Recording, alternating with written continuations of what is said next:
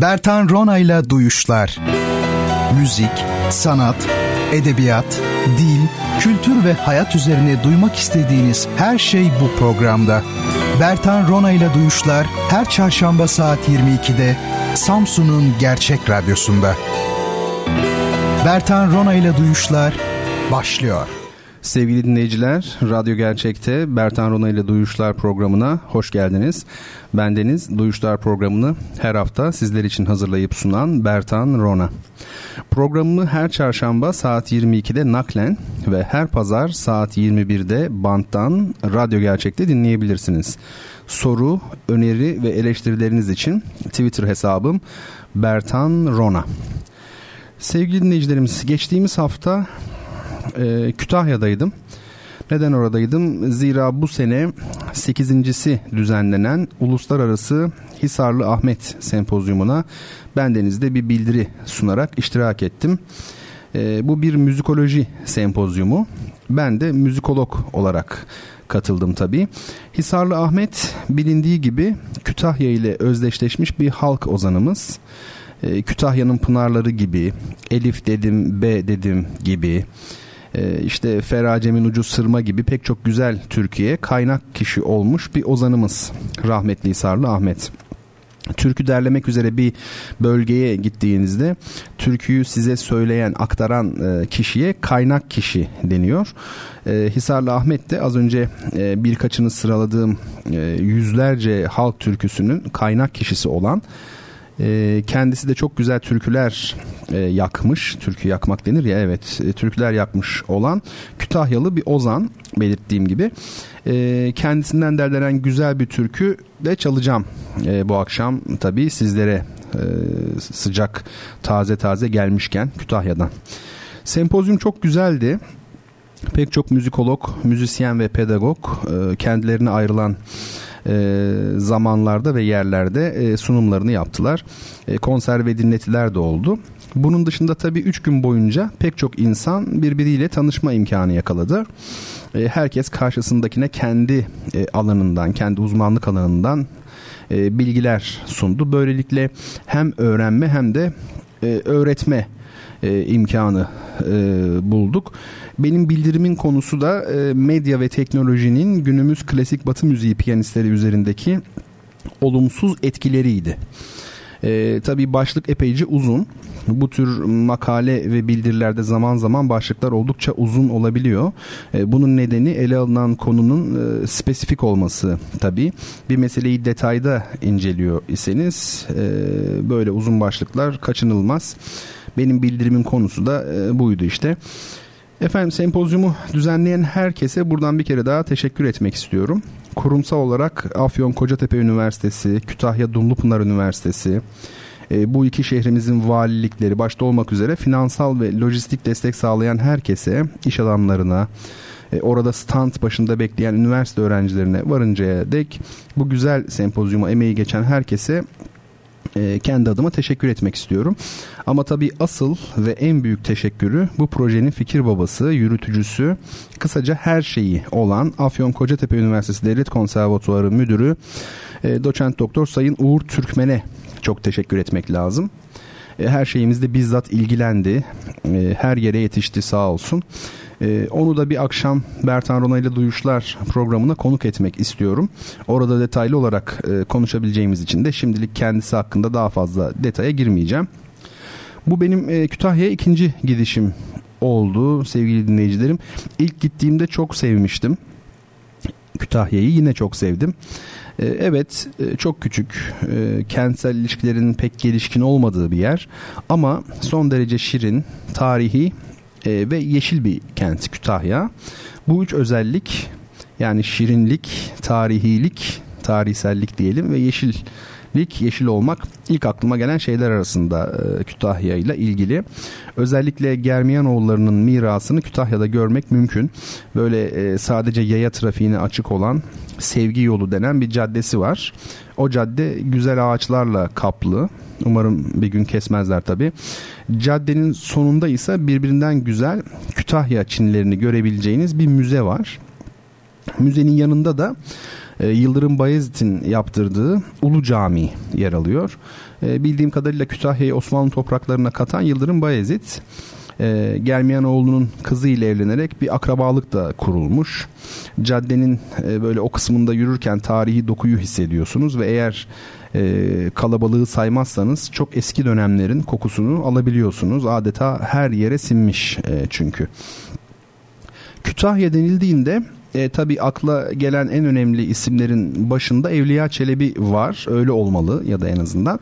İstanbul'da doğmuş olan Evliya Çelebi aslen e, Kütahyalı bir aileye mensup. Ben tabii böyle bilgileri e, hafızama çok güvenip söylüyorum ama umarım yanılmıyorumdur. E, gerçi Evliya Çelebi'nin Kütahya kökenli olduğu konusunda yanılmıyorum da doğum yeri İstanbul diye biliyorum. Efendim e, az önce de işte Yıldırım Bayezid döneminde Germiyanoğullarından alındı Kütahya falan dedim. Tarihi bilgilerimde hata varsa e, lütfen e, bana iletin efendim. E, şimdi Evliya Çelebi ile ilgili şunu söyleyeyim hemen hemen her değerimiz gibi Evliya Çelebi de ihmal ettiğimiz hatta bırakın ihmal etmeyi çoğu kere yok saydığımız bir e, değer. Onun seyahatnamesi öyle muazzam bir eser ki e, kelimeler ifade etmeye yetmez. Tek kelimeyle bir ansiklopedi e, aslında. E, hangi alanda çalışırsanız çalışın seyahatnameye başvuracağınız bir husus mutlaka vardır. Herkesin evinde olması gereken bir eser gerçekten. Yapı Kredi yayınları tarafından çok güzel basımları yapıldı. Hem eski hem de yeni yazıyla. Hem günümüz diline adapte edilerek hem de orijinal haliyle bildiğim kadarıyla basımları var. Nasıl isterseniz bulabilirsiniz. Ee, biraz paraya kıyıp alın derim efendim. Çünkü hakikaten eşsiz bir kültür hazinesi. Ee, seyahatname. Ee, ben seyahatname üzerine bir müzikli oyun yazmak istiyor idim. O e, süre zarfında çalışmak için satın almıştım seyahatnamenin baskısını, e, bu yeni baskısını ve e, her ne kadar seyahatnameyi biliyor idiysem de satın aldığım baskıyı incelerken gerçekten bir kere daha dehşete düştüğümü hatırlıyorum. Herkese tavsiye ediyorum. Yani bütün zamanların en büyük seyyahlarından biri olan Evliya Çelebi de Kütahyalıymış demek ki onu da belirtmiş oldum. Sevgili dinleyicilerim şimdi e, ilk aramızı verelim. Ben e, sempozyumdan kısaca ve Kütahya'dan bahsettim. Ama ilk aramızı verdikten sonra e, daha edebi konulara doğru şöyle bir e, açılacağız. E, size sözlerimin başında Hisarlı Ahmet'ten derlenmiş olan türkülerden söz etmiştim. Bunlardan bir tanesi de e, Feracem'in Ucu Sırma. Çok güzel ve herkesin bildiğini tahmin ettiğim bir e, Kütahya türküsü. Feracem'in Ucu Sırma. E, takipçilerim bilirler programımda genellikle klasik ve caz türündeki müziklere yer veriyorum aslında. Ama tabii bu benim Türkleri sevmediğim anlamına gelmez. Türkü severim hatta çok severim. Bizzat derleme yapmışlığım bile vardır. Hakikaten de öyle bir türkü derledim. İşte e, bu kez de çok güzel bir Kütahya türküsü dinletmek istiyorum sizlere. Feracem'in Ucu Sırma. Seslendiren Nazlı Öksüz. Bakalım nasıl yorumlamış hep beraber dinleyelim. Tabii ki tanıyanlar vardır. Bertan Rona ile Duyuşlar kaldığı yerden devam edecek sevgili dinleyiciler.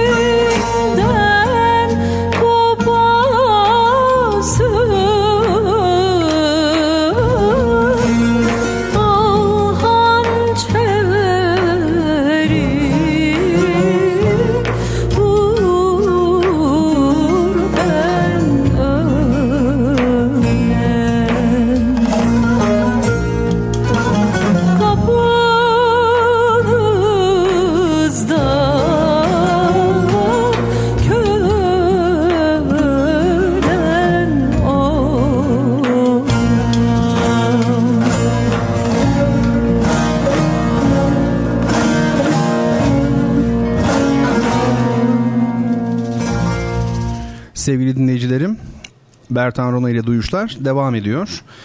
Efendim çarşamba geceleri saat 10 ile 11 arasında canlı yayında karşınızdayım. Hatırlatmış olayım. Müzik, sanat, edebiyat ağırlıklı olarak kültür, dil ve hayata dair tınıları duymaya çalıştığımız Duyuşlar programını ben Deniz Bertan Rona sizler için hazırlayıp sunuyorum. Sorularınız için Twitter hesabım Bertan Rona. Buradan bana soru ve önerilerinizi, eleştirilerinizi varsa iletebilirsiniz. Masalları sever misiniz bilmiyorum ama ben çok severim.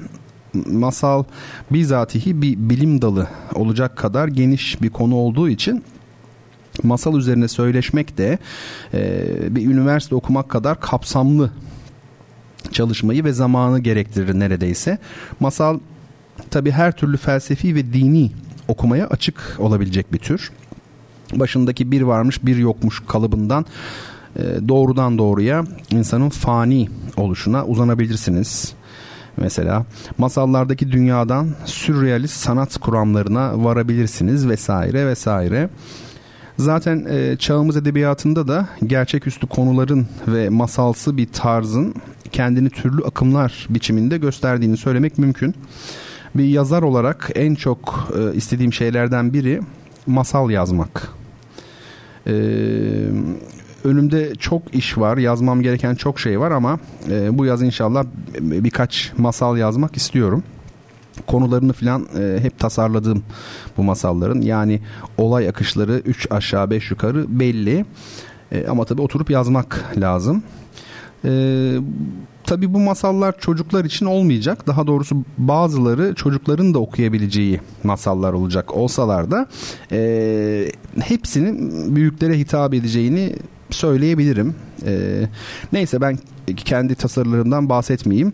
Sizlere şu an elimde bulunan kitabı tanıtayım. Elimde bir masal kitabı var. E, benim çocukluğumdan kalma bir kitap bu. Andersen'den Masallar. Evet kapakta böyle yazıyor. E, eski tipte böyle hani bez ciltli e, kitaplar vardır ya kapağı o şekilde olan onlardan biri. E, kapağını açıp ilk sayfasını çevirdiğimde şu an çeviriyorum karşıma 10 Ekim 1965 Afyon şeklinde bir not çıkıyor. Bu notu yazan kişi babam yani onun el yazısı. Kendisi çok uzun yıllardır Türkiye'de değil. Ee, ama demek ki 1965'te yani kaç yıl oluyor? 50 yıl. O dile kolay yani 50 yıl önce bu kitabı Afyon'da satın almış. Kitap babamdan abime ondan da bana geçti. Çünkü abimin de adı var.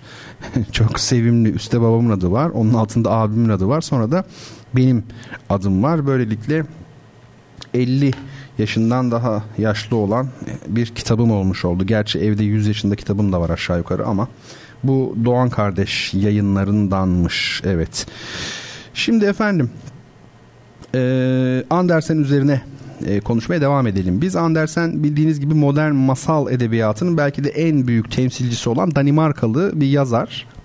Bir 19. yüzyıl yazarı e, masal edebiyatının en büyük temsilcilerinden biri dedik. İşte yani Kelile ve Dimne, e, Binbir Gece masalları ya da Ezop gibi, La Fontaine gibi, Decameron gibi modernizm öncesi devirlerin e, anlatıcılarını, yazarlarını bir yana bırakacak olursak masal denildiğinde akla Hans Christian Andersen gelir.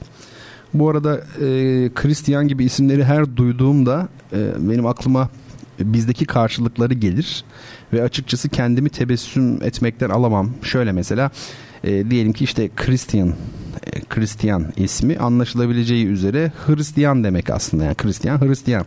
Yani bizdeki karşılığı Müslüman. Hadi e, Müslüm veya Müslime diyelim. Yani o Christian isminin bizdeki tam karşı işte Müslüm. Müslüme ya da Peter ismi Peter peder demek. Bizdeki karşılığı ne olur? İşte biraz hafif ittirerek imam olabilir mesela. İmam ismi zaten vardı Türkiye'de de yani Peter işte o karşılığı imam. George'un George var ya George onun e, tam karşılığı ise çiftçi demek. Geo coğrafyadaki geo yani yer toprak anlamına da gelir. Ork bildiğimiz bu ırgattaki ırk var ya onun akraba işleyen demek yani yeri işleyen yani çiftçi. Şimdi bizde adı Müslüm, imam veya çiftçi olan birilerini düşünün. Bu insanlara sosyokültürel açıdan nasıl bakıldığını bir hayal edin. Değil mi yani?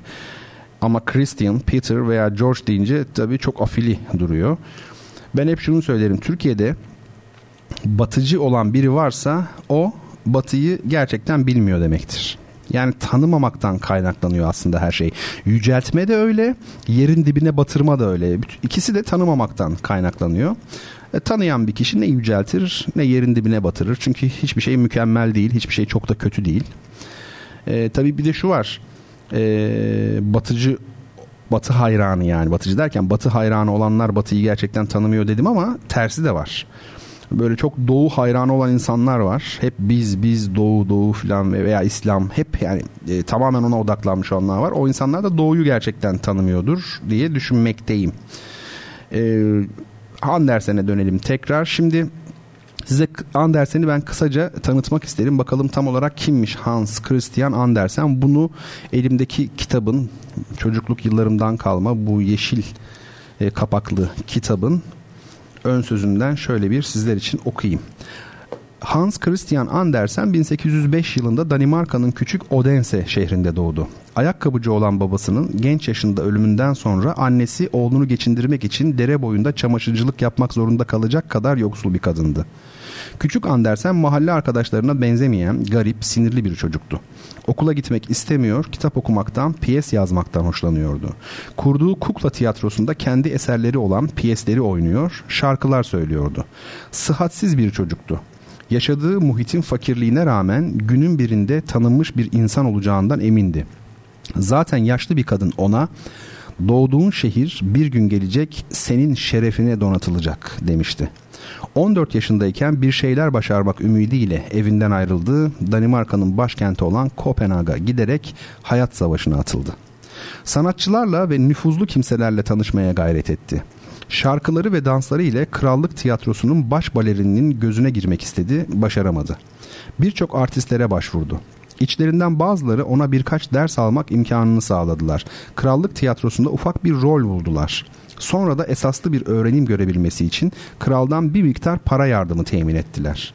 Lakin Andersen'in okul yılları güç şartlar altında geçti. Öğretmeni ona karşı çok sert davranıyordu. 23 yaşında tahsilini bitirdi.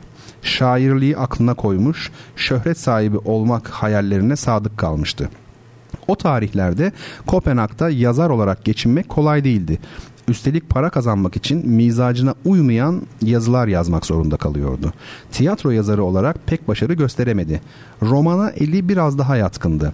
İlk romanını bir İtalya seyahatinden sonra 1835'te kaleme aldı. Andersen'i tanıtan bu kitaplar değildir. Yine 1835 yılında ilk romanı ile birlikte çocuklar için peri masalları yayınladı. Bunlar kendi çocukluğunda dinlediği masallardı edebi bir değer taşıyabileceklerini aklından bile geçirmiyordu.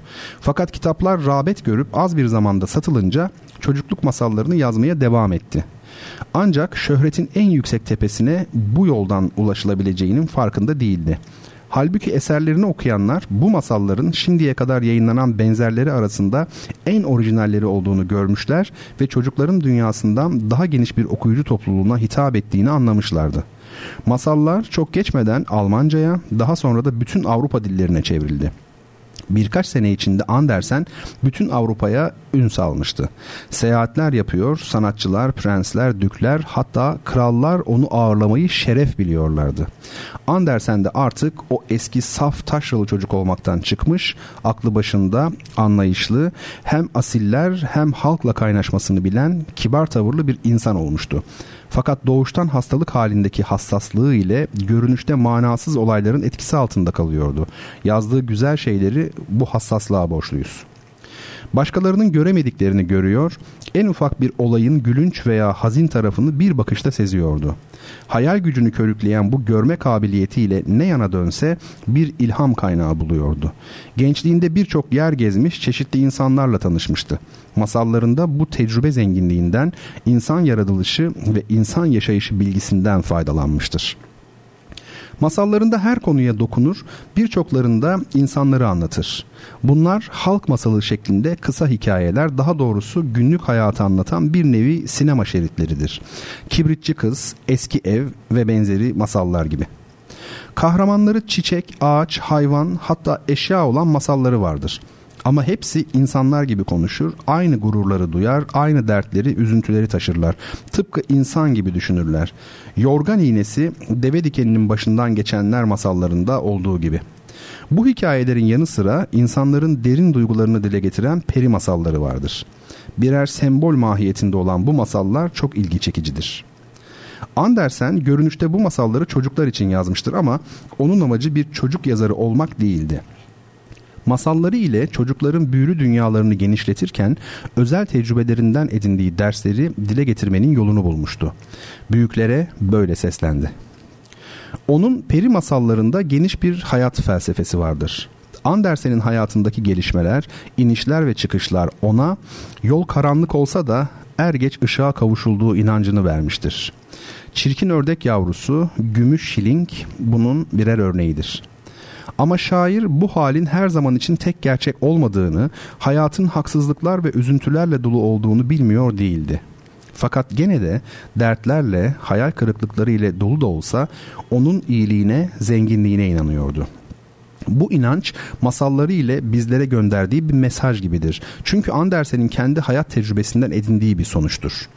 Masallarının en neşelisinde bile insanı düşündüren, üzen bir hüzün payı bulunmakla beraber ruha huzur getiren bir tatlılık vardır. Andersen'in uzun ömrü son yıllarına kadar yazı yazmakla geçti. Gençliğinde kurduğu hayaller gerçekleşmişti. Doğduğu şehrin fahri hemşerisi seçilmiş, ihtiyar kadının söylemiş olduğu gibi şehir onun şerefine donatılmış, aydınlatılmıştı. Kopenhag'da sevgili dostlarının arasında 70 yaşında öldü. Hayata gözlerini kapadığı zaman gayesine eriştiğini, insanlara oyalanacak, dertlerini avutacak, hayatlarını zenginleştirecek bir armağan bıraktığına inanıyordu.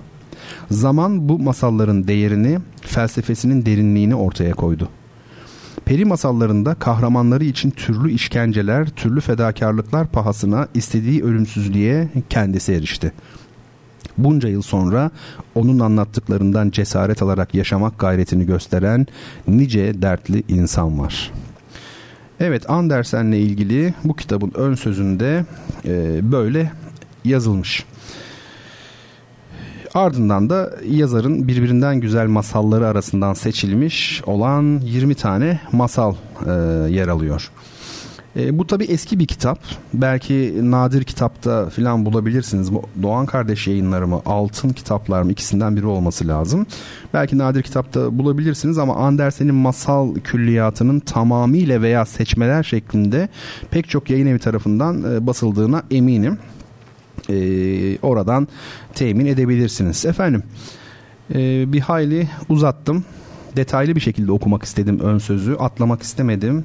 Yazı çok küçüktü. E, küçük karakterlerle yazılmış. Biraz görmekte zorlandım. Ama okuduğum iyi de oldu. Biraz yorum yazısı bu aslında. Ee, böyle bir bilgi vermekten ziyade daha çok yorum içeren bir yazı. Ee, güzel de oldu. Ee, bunu size okudum. Gelin şimdi biraz dinlenelim, müzik verelim, müzik dinleyelim. Ee, programımız tabii devam edecek. Daha üzerinde duracağımız çok konu var efendim. Şimdi benim e, kişisel hastalıklarımdan biri olan e, Tchaikovsky'nin bir eserini, daha doğrusu bir eserinin bir bölümünü dinleyeceğiz kişisel hastalıklarım derken yani tabii doktor soruyor neyiniz var diyor. İşte hangi hastalıklarınız var? Tchaikovsky var. O da bir hastalık çeşidi tabii. Gerçekten e, çok çok e, özel bir deneyimdir Tchaikovsky müziği dinlemek. Ben sizin için bestecinin ölümünden 9 gün önce bitirip orkestra şefi olarak konserde yönettiği, bizzat yönettiği ama dinleyicilerin pek beğenmemesi nedeniyle hayal kırıklığı yaşayarak öldüğü bir parça seçtim. Oldukça dramatik bir hikaye. E, Tchaikovsky 6. senfonisine çok özenmiş gerçekten hayatının sonlarında. Çok özenerek yazmış, tamamlamış sonra premieri yapılmış yani ilk seslendirişi yapılmış. Kendisi bizzat yönetmiş orkestrayı. Fakat e, umduğu ilgiyi görememiş, dinleyici hiç beğenmemiş eseri. 9 gün sonra da Tchaikovsky ölüyor zaten. Oysa bugün Tchaikovsky'nin başyapıtı olarak kabul ediliyor. Zaten hep öyle olmaz mı? Yani işte sanatçı sezgisi, yetenekleri ortalama insanların çok üstünde olduğu için önden gidiyor belki de ve e, onun sağlığında kıymeti bilinmeyen eserler o öldükten sonra anlaşılıyor. Çünkü adam belki de 50 yıl önde, belki 100 yıl önde vesaire. E, Tchaikovsky'nin Opus 74 Si minör 6. senfonisinin Allegro con Grazia başlıklı ikinci bölümünü dinliyoruz. Ee, Bertan Rona ile Duyuşlar, müzik, sanat, edebiyat, kültür, dil ve hayat üzerine sizlerle söyleşmeye devam edecek efendim. Bir yere ayrılmayın.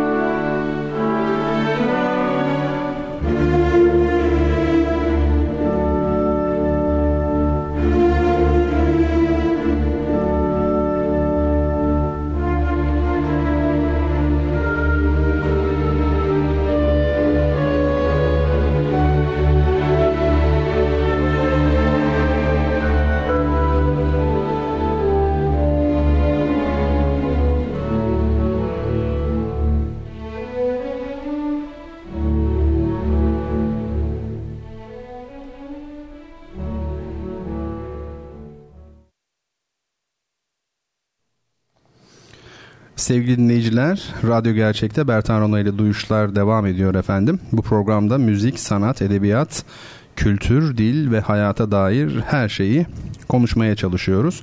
Sorularınız için Twitter adresimiz Bertan Rona şeklinde. Hadi gelin şimdi kaldığımız yerden devam edelim. Şimdi geçen hafta e, söz verdiğim bir şiiri daha doğrusu üçleme oluşturan üç şiiri e, seslendirmeye çalışacağım şimdi. E, sevgili dinleyicilerimden ve Twitter'daki takipçilerimden olan Kurnaz Tanrı Enki rumuzuyla, rumuz diyelim 80'lerin jargonuyla e, yazan bir arkadaşımız e, Bendeniz'den Atilla İlhan'ın Dili Geçmiş üçlemesini okumamı e, rica etmişti. Ancak ben programın başında belirttiğim e, şu sempozyum yoğunluğu içinde olduğumdan onun bu ricasını bu haftaya bırakmıştım. Şimdi pek de iyi olmayan sesimle, yorumculuğumla bu üç şiiri arka arkaya okumaya çalışacağım ama öncesinde yine arkadaşımızın yazdığı bir şey var masallar üzerine şöyle yazmış Twitter'dan ne diyor? E, Melek Sezer'in Masallar ve Toplumsal Cinsiyet adında muhteşem bir araştırma inceleme kitabı var. Okumadıysanız tavsiyedir demiş. Ben de favorilerimin arasına aldım. E, Enki'nin bu şeyini ne derler e, önerisini sizler de duymuş olun. Şimdi zaten şiirleri de onun için okuyacağım. Atilla İlhan'ın e, Dili Geçmiş e, başlıklı 3 şiiri var. Onlardan e, üçünü de yani e, okuyacağım. Şöyle diyor Atilla İlhan. Gecenin karanlığında uzun adamlar yanlış bir yağmurun iplerine dolaşmış, daha yanlış bir yalnızlığa doğru gidiyor. Senin beklediklerin, senin beklediğin gemiler hiç gelmeyecek. Hiç gelmeyecek o uzun saçlı çocuk. Hani geceleri dudaklarını boyayan korkunç bir çetrefilliğin uçurumundaki. Ne kimse onu bekliyor ne de o kimseyi.'' Daha sonra kara trenler, ışıksız trenler, uçuşur ateş böcekleri, asker sigaraları. Savaş henüz başlamamış, eli kulağında. Herkes kimi öldüreceğini tasarlıyor. Aydınlığı bu kadar soğutabilmek ne zor. Bulutları küçük camlara sığdırabilmek, mahzun yolcuların baktığı pencerelerdeki. Okullar erken tatile girdi çünkü savaş, Sessizlikten uyanırsın gece sabaha karşı. Alışık olmadığın bir saat, üç buçuk. Hiç üşümediğin bir rüzgar sokaklarda. Yalnız bir çocuk, geceleri çok kalabalık. Deniz kuşları mavi beyaz tuzlu rüyalarına. Gül Cemal yola çıkmış iki baca dört direk. Uzak çan sesi gezinti güvertesinden.'' Bütün bir ömür varılamayacak o liman. Boğaz içinde yağmur dumanı, edebiyatı cedide. Uzakta bir piyano, onu bir şüphe bir kadın çalıyor. Cenab Şehabettin'den kalktı, inşirah kime uğrayacak? İntihar etti Beşir Fuat, anlayan tek kişi çıkmadı. Porselen vazoda Yaseminler, Şevki Bey, Hicaz.'' Sedefli udundan damla damla azalan paşa kızı, Peder Bey merhum Selanik'te şehidi hürriyet, ah nerede mülazimler, o eski mülazimler. Teşkilatı mahsusadan kolası Fikri Bey Tırnova Tebriz'den getirmiş mutantan mahzunluğunu. İki kadeh rakı arkasından hain redifli gazeller. Kantocu Peruz seyranda seyrü sefer mefluç.'' Berlin'den avdetinde Hilmi Paşazade Eflatun Bey hicranını Almanca tekellüm edermiş rivayet. Hölderlin nam şairden manzumeler okuyarak. Öyle ağır yalnızlığı herkese vermiyorlar. Evet Atilla İlhan'ın Dili Geçmiş başlıklı üç şiiriydi bu okuduklarım, okumaya çalıştıklarım, kısmen batırdıklarım öyle söyleyeyim. Efendim üçüncüsü biraz daha e, nostalji rüzgarları estiren diyelim bir e, şiir. Gayet de güzel şiirler bunlar. Evet sevgili dinleyicilerim masaldan e, söz etmiştik. Şimdi de masal gibi bir filmi tanıtmak istiyorum sizlere. E, Meksikalı yönetmen belki çoğunuz görmüşsünüzdür bu filmi ama E, bilmeyenler için tanıtayım. Bilenler de ikinci defa izlemiş olsunlar. İkinci, üçüncü neyse. Meksikalı yönetmen Guillermo del Toro'nun e, 2006 yapımı Pan'ın Labirenti isimli filmi bu. İspanya İç Savaşı yıllarında küçük bir kız çocuğunun dünyası yer alıyor filmde. Bir yanda katı toplumsal gerçekler ve iç savaş, bir yanda ise küçük e, bir kızın hayal dünyası. Ve işin ilginç tarafı şu, senarist konuyu öyle bir yazmış ki ve yönetmen öyle bir çekmiş ki filmin sonunda gerçek hayatın mı yoksa rüyaların mı gerçek olduğunu anlayamıyorsunuz. Spoiler vermemek için e, daha fazla yani söz etmek istemiyorum. Filmin içeriğinden bahsetmek istemiyorum. Ama mutlaka izleyin. Olağanüstü bir film gerçekten.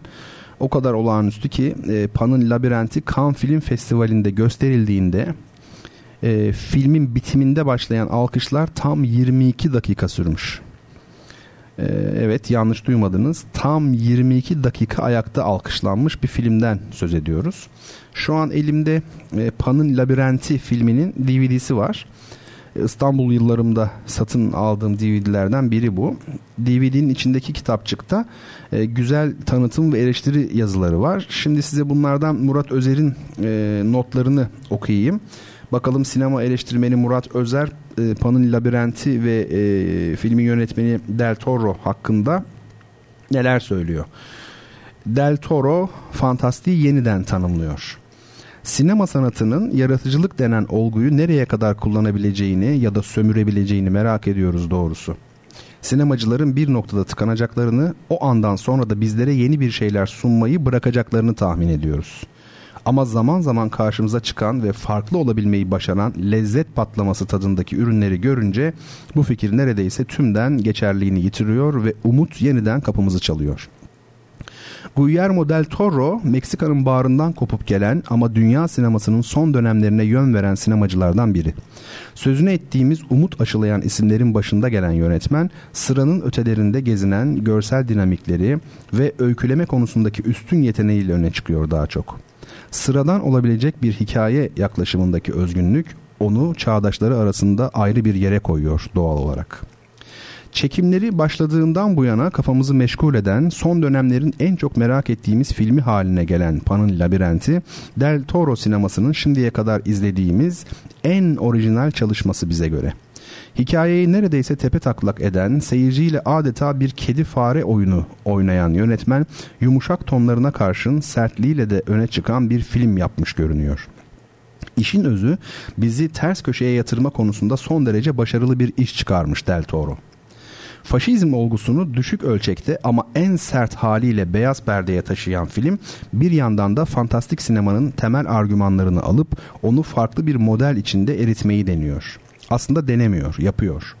Önceden algılananın tümüyle fantastik bir film, bir masal yani yanlış olduğunu sayfayı çeviriyorum. Yanlış olduğunu vurgulamak istercesine filmin başlarında alabildiğine sert bir öldürme sahnesiyle bizi kendimize getiren Del Toro böylece sonraki dakikalarda göreceklerimiz konusunda bizi adeta uyarıyor. Karanlık bir atmosferle vücut bulan öyküde küçük bir kızın alabildiğine can yakıcı gerçeklerden kaçarcasına tutunduğu masalsı bir dünya ile kapımız çalınırken acımasız gerçeklerin ağırlığı da bütün gücüyle üzerimize basıyor. Her iki dünyanın ortak yanı ise iyilik, güzellik kavramlarının çoğu zaman anlamını yitirmesi ve küçük kızın hayatını her açıdan darmadağın eden bir kesinlikle hayat bulmaları. Bu durum izleyici olarak bizleri de şaşırtıyor ve beklentilerin çok uzağında ama çok daha oturmuş bir hikayeyle yüzleştiriyor. Yüzüklerin Efendisi ya da Harry Potter serilerindeki fantastik yaklaşımların Pan'ın labirentinde pek yeri yok gibi. O filmlerden alıştığımız sert ama gerçeklere tutunmayı reddeden tavır burada yerini altyapısını gerçeklikten alan bir yaklaşıma bırakıyor. Çevresinde yaşanan tüm çirkinliklerden haberdar olan ama onlardan kaçmayı yeğleyen küçük kızın içine düştüğü örümcek ağı onu hem gerçek dünyada hem de kaçmaya çalıştığı masal dünyasında çıkmaza sokuyor. Kaçışı neredeyse olanaksız hale getiriyor. Bu filmi görünen hikayesi içinde değerlendirebildiğimiz gibi bugüne göndermelerle hayat bulan bir alegori olarak da değerlendirebiliriz. Dar bir alana sıkıştırılmış olsa da aslında tüm dünya toplumlarının özellikle de Amerika Birleşik Devletleri'nin özgürleştirme adına başvurduğu faşizm olgusunu deşifre ediyor gibi buradaki öykü. Bunu görkem kavramından uzakta durmaya çalışarak olayları ve olguları iyice küçülterek yansıtan Del Toro böylece seyirciye durup düşünme fırsatı da tanıyor. Yaşadığımız dünyanın önce püskürtme, sonra sindirme, ardından da susturmaya dayalı faşizan yanını temellendiren film, İspanyol sinemasının usta aktörlerinden Sergi Lopez'in canlandırdığı saf kötü karakter özelinde faşizm kavramını adeta yargılıyor. Bu yargılamanın sonuçlarını filmin finalinde çok hazin bir biçimde görüyor ve insanoğlunun en temel reflekslerinden biri olan lanetleme isteğimizi dizginleyemiyoruz. Bu irkilti sineması örneği olarak da görmek mümkün Pan'ın labirentini. İnsanoğlunu irkilten, kendine gömülmesine neden olan bazı korkuları açığa çıkaran ve yüzleşmekten kaçındığımız gerçeklere sırtımızı dönme isteğini kaşıyan film, yabancılaşmaya müsait bir öyküleme ile önümüze gelirken bir yandan da yalnızlığa itiyor bizleri tek başına olmanın tetiklediği kaçış duygusunun hakimiyetine kendimizi bıraktığımızda yaşadığımız kabuğa çekilme durumu öykünün merkezindeki Ophelia adlı kızın çelişkili dünyasında hayat buluyor. Onu izlerken kendimize bakıyoruz aslında. Görüp görmediğimizse tam bir muamma. Ophelia'nın hikayesi bir yandan da cennetle cehennem arasında bir yerlerde yani Araf'ta geziniyor. Gerçek dünyanın cehennemvari atmosferinden kurtulmak için fantastik alemin cennetvari kucağına kendini bırakmak isteyen ama bu geçiş sırasında zorlu bir sınavdan tam not alması gereken kahramanımız aidiyet duygusunun yönleneceği yer konusunda yaşadığı çelişkileri ruh halinde de yansıtıyor onun bu durumunu abartısız bir oyunculukla yamacımıza getiren genç aktris Ivana Baquero da kendisine yöneltilen övgü sözcüklerinin ne kadar haklı olduğunu kanıtlıyor. Del Toro'yu da bu seçim ve oyuncu yönetiminden dolayı alkışlamak gerek tabii. Pan'ın labirenti, yönetmenin öyküleme mantığı ve oyuncu seçimi konularında sinematik açıdan bir zirve teknik açıdan da yetkin bir görünüm sunan ama efekt cambazlığını abartmadan kullanan yapım anlattığı şeye en uygun görsel yaklaşımı bulmuş gibi. Karanlık ama masalsı, ölümcül ama sevgi dolu, çirkinlikle anlamlanan ama güzelliğe de yakın duran, tedirgin edici ama huzur aşılayan, gittiği yol engebeli ama bu yolu iyi çizmiş bir film Pan'ın labirenti. Ve sinema tarihinin özel sayfalarından birine yerleşmeyi alnının akıyla hak ediyor. Evet Murat Özer sinema yönetmeni, e, sinema eleştirmeni özür dilerim. Murat Özer DVD kitapçığının içinde bunları e, yazmış. Uzunca bir e, yazı olduğu halde sizlere okumak istedim. Hem filme dair merakı da iyice arttırmıştır diye düşünüyorum. Sevgili dinleyicilerim her zaman olduğu gibi şimdi yine bir ara vereceğiz. Bu gece halk müziğiyle klasik batı müziği dinledik. Gelin şimdi de klasik Türk musikisinden çok güzel bir örnek dinleyelim. Ee, son bölümde de e, caz dinleyerek bu geceki programın müziklerinde maksimum çeşitlilik sağlamış oluruz diye düşünüyorum. Ee, klasik Türk musikisinin son büyük temsilcisi diyebileceğimiz Tamburi Cemil Bey'den ruhu şad olsun Nihavent makamında ve yürük semai usulünde harika bir e, şarkı. Sevdim seni ey işvebaz. E, bu şarkıyı dinlettiğim albüm e, çok çok çok çok e, güzel bir e, çalışma aslında özel bir çalışma. Onu inşallah bir gün size e, ayrıca tanıtmak istiyorum yani müstakilen e, tanıtmak istiyorum. E, şimdilik sadece ben buradaki hanendeleri ve sazendeleri tanıtayım size. Hanendeler yani şarkıyı söyleyenler Özlem Elitaş, Büşra Ay, Özge Altıntaş Özcan, Esra Çelik, Zehra Serbest. Sazendeler ise e, Udda Burak Kaynarca. Sevgili Burak'la iki yıl kadar önce Afyon'da tanışmıştık. Dinliyorsa buradan selamımı gönderiyorum. Kanun'da Kenan Savaş, Kemençe'de Önay Akan, piyano, def ve bendirde Semih Şenyayla, kemanda Yavuz Tutuş, Neyde Ömer Bildik. Sevgili Ömer'e de buradan selamlarımı gönderiyorum. Violonselde Hakan Akdeniz. Tamburi Cemil Bey'in Sevdim Seni Ey İş ve Baz adlı şarkısını dinliyoruz. Bertan Rona ile duyuşlar devam edecek efendim.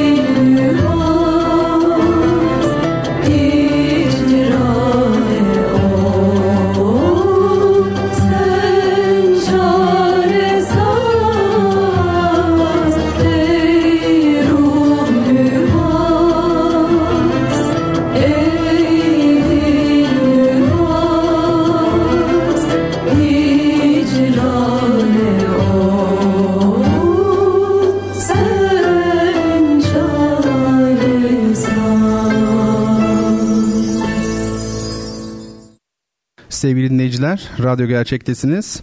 Bendeniz Bertan Rona efendim. Duyuşların son bölümünde sizlerleyim. Varsa eğer soru, öneri ve eleştirilerinizi Bertan Rona adresi üzerinden bana ulaştırabilirsiniz. Ee, bu gece buraya gelirken e, arabayla ilgili bir sıkıntı yaşadım. Kendi arabamla ilgili. Kişisel iki şey söyleyeyim. Sizle dertleşelim biraz. E, arabamın e, kilidinde problem olduğu için elektronik devresinde sisteminde artık temassızlık mı var bilmiyorum. E, kapısı kilitlenmiyor. Şimdi şu an stüdyodayım. Güzel böyle büyük bir cam mekan var. Baktığımda hemen arabayı görüyorum. Aralarda bakıyorum çal, çalınıp çalınmadığını anlamak için. Neyse ki programım e, reytingi yüksek çok dinlenen bir program değil de hırsızlar bunu duyup buraya üşüşmezler yani öyle düşünüyorum. Bir de her arada çay alıyorum sevgili dinleyicilerim. Fakat çay, çaydan şöyle bir yudum alıyorum almıyorum hemen tekrar işaret geliyor karşıdan masadan bana. E, tabii ki anlatmaya başlayacağım için çay soğumuş oluyor. Yani 4-5 defa gidip geldiğim halde 2 yudum içebildim diyebilirim. Evet biraz dertleşmiş olduk. Şimdi bu gece ben buraya gelirken şöyle bir düşündüm. Ee, gerçekten de bu hak etmeyen insana sevgi göstermeye gelmiyor. Hani öyle bir konu var ya ee, insanlar hep şikayetçidirler karşı tarafa verdikleri sevginin kıymetinin bilinmemesinden veya o kişinin bunu hak etmediğinden vesaire hep şikayet ederler. İşte bence bu durumun asıl nedeni aslında sevilen, sevgi gösterilen o kişinin kendisini e, sevmiyor olması. O kişi kendini sevmiyor yani her şeyden evvel. Yani adam kendini sevmiyor ki sen onu sevebilesin. Demek e, öncelikle buradan e, şu sonuç çıkıyor. E, kendini sevmeyen bir insan başkasının kendisini sevmesine de izin vermez. Tabii şunu da hemen belirtmek gerekir ki bu tür insanlar genellikle zararlıdır. Ee, özellikle e, genç dinleyicilerimi bu konuda uyarmak istiyorum. Bu tür insanlar zararlıdır. Hatta en tehlikeli insan kendisini sevmeyen kompleksli insandır bile diyebiliriz. Çevresine zarar veren art niyetli insanlara şöyle bir bakın. Mutlaka ama mutlaka kendilerini sevmediklerini göreceksiniz sevgili dostlar. Aslında bu durumun son derece matematik diyebileceğimiz somut bir açıklaması da var bence. Şöyle sen eğer kendisine saygı duymayan birine saygı gösterirsen o kişi kendisine saygı duymadığı için kendine duymuyor çünkü her şeyden evvel mutlaka senden şüphelenir veya savunmaya geçip kendini sana karşı kapatır, gardını kaldırır yani ya da sana zarar verir. Ee, yani mesela e, ben e, kendini sevmeyen, kendine saygı duymayan birine saygı ve sevgi gösteriyorum diyelim. İşte o vakit o kişi şöyle düşünür. Yahu ben sevilmeye, sayılmaya layık biri değilim. Öyleyse bu adam bana niye sevgi saygı gösteriyor? Acaba bana zarar vermek amacında mı? Yoksa benden bir çıkarı mı var? Bir şeyler mi istiyor? Ben en iyisi kendimi kapatayım da bana zarar veremesin. Ya da en iyisi o bana zarar vermeden ben ona zarar vereyim. Evet sanırım şimdi e, daha iyi açıklamış oldum. Yani kendisini sevmeyen adama sevgi gösterildiğinde, kendisine saygı duymayan insana saygı e, duyulduğunda o kişide oluşan tepkiler bunlar. Ben bunu gördüm hayatımda. E, o nedenle sevgili dinleyicilerim kendini sevmeyen insanlara dikkat edin diyorum.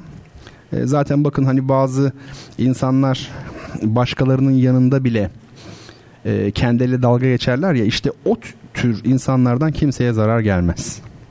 Yani gerçekten samimi olarak başkalarının yanında kendisiyle dalga geçebiliyorsa bir insan onun kompleksi yok demektir. Ve dediğim gibi en tehlikeli insan tipi de kompleksli e, kendisini sevmeyen insandır. Aslında bu konunun e, kadın erkek ilişkilerindeki yansımaları çok daha ilginç olabiliyor ama işin o kısmını e, biz başka bir programa bırakalım. Bu gece size tanıtmak üzere e, sadece Andersen'in masallarını almadım yanıma. Bir de e, Mina Urgan'ın Shakespeare ve Hamlet adlı kitabını getirdim. Yapı Kredi yayınlarından çıkmış olan harikulade bir kitap. Kitapta Shakespeare dönemi tiyatrosundan, yazarın hayatından ve belli başlı bütün oyunlarından söz edildikten sonra nihayet geniş bir şekilde Hamlet oyunundan söz ediliyor. Daha doğrusu bunlar ele alınıyor diyeyim. Yalnız e, kitabın hemen dikkat çeken bir özelliğini size söyleyeyim. Yazarın dili gerçekten çok etkileyici. Daha doğrusu insanı hiç yormuyor. Böyle su gibi akıp giden bir dil. Yapaylıktan uzak, içten e, ve rahat bir dil, akıcı bir dil. E, Mina Urgan'ın bu anlatımı kitabı daha da değerli e, kılmakta. Bakınız Nobel ödüllü yazarımız Orhan Pamuk e, Mina Urgan'ın dili için neler söylemiş. Mina Urgan'ın sesi çok iyi bildiği bir konuda çok iyi bildiği bir iki yakınıyla rahat rahat konuşan birinin sesidir.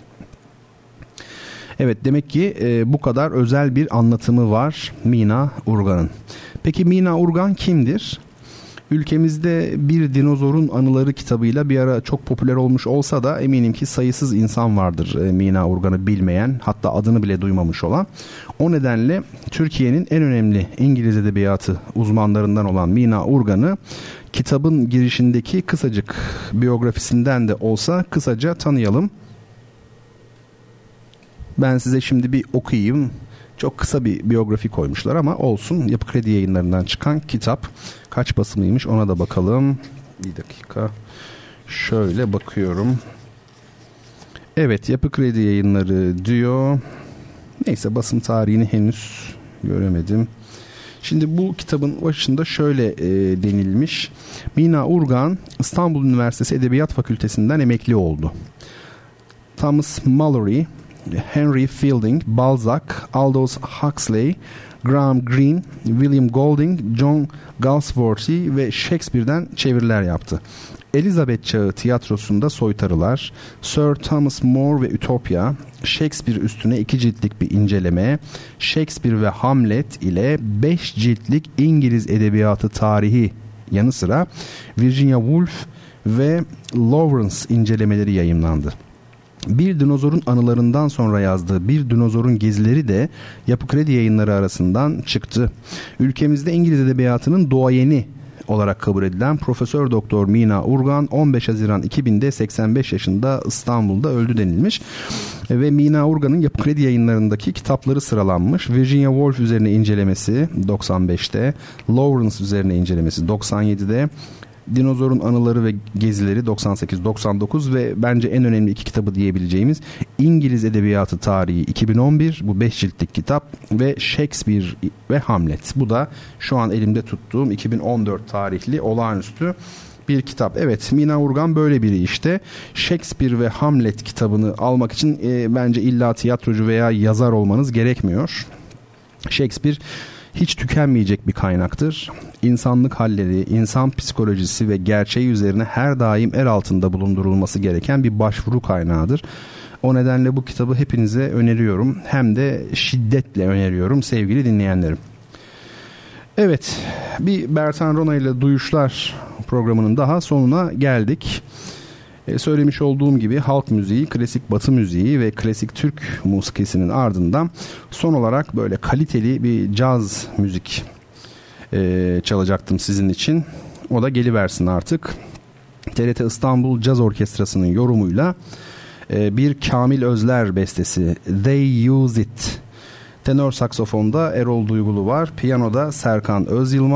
Yöneten Neşet Ruacan efendim. Bu parçayı ben takipçilerimden çok çok çok sevgili Duygu Özbek hanıma hediye ediyorum. Programımızın konseptinde bu yok ama Duygu'ya edilir efendim. Duygucum bu parça e, sana gelsin.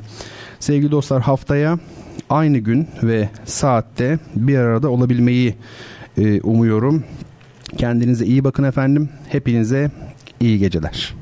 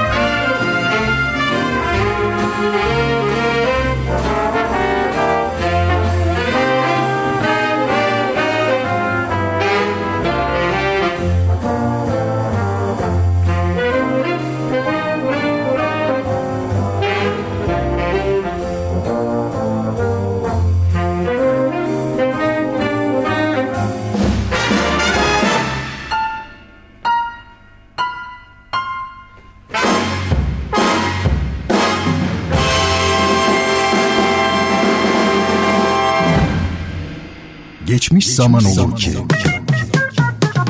Tarihin en ilginç olayları ve en renkli kişileri bu programda. Bertan Rona tarafından hazırlanıp sunulan Geçmiş Zaman Olur ki sizleri her hafta şaşırtıcı konularla dolu bir tarih sohbetine davet ediyor. Geçmiş Zaman Olur ki her pazartesi ve her cuma saat 21'de Samsun'un Gerçek Radyosu'nda.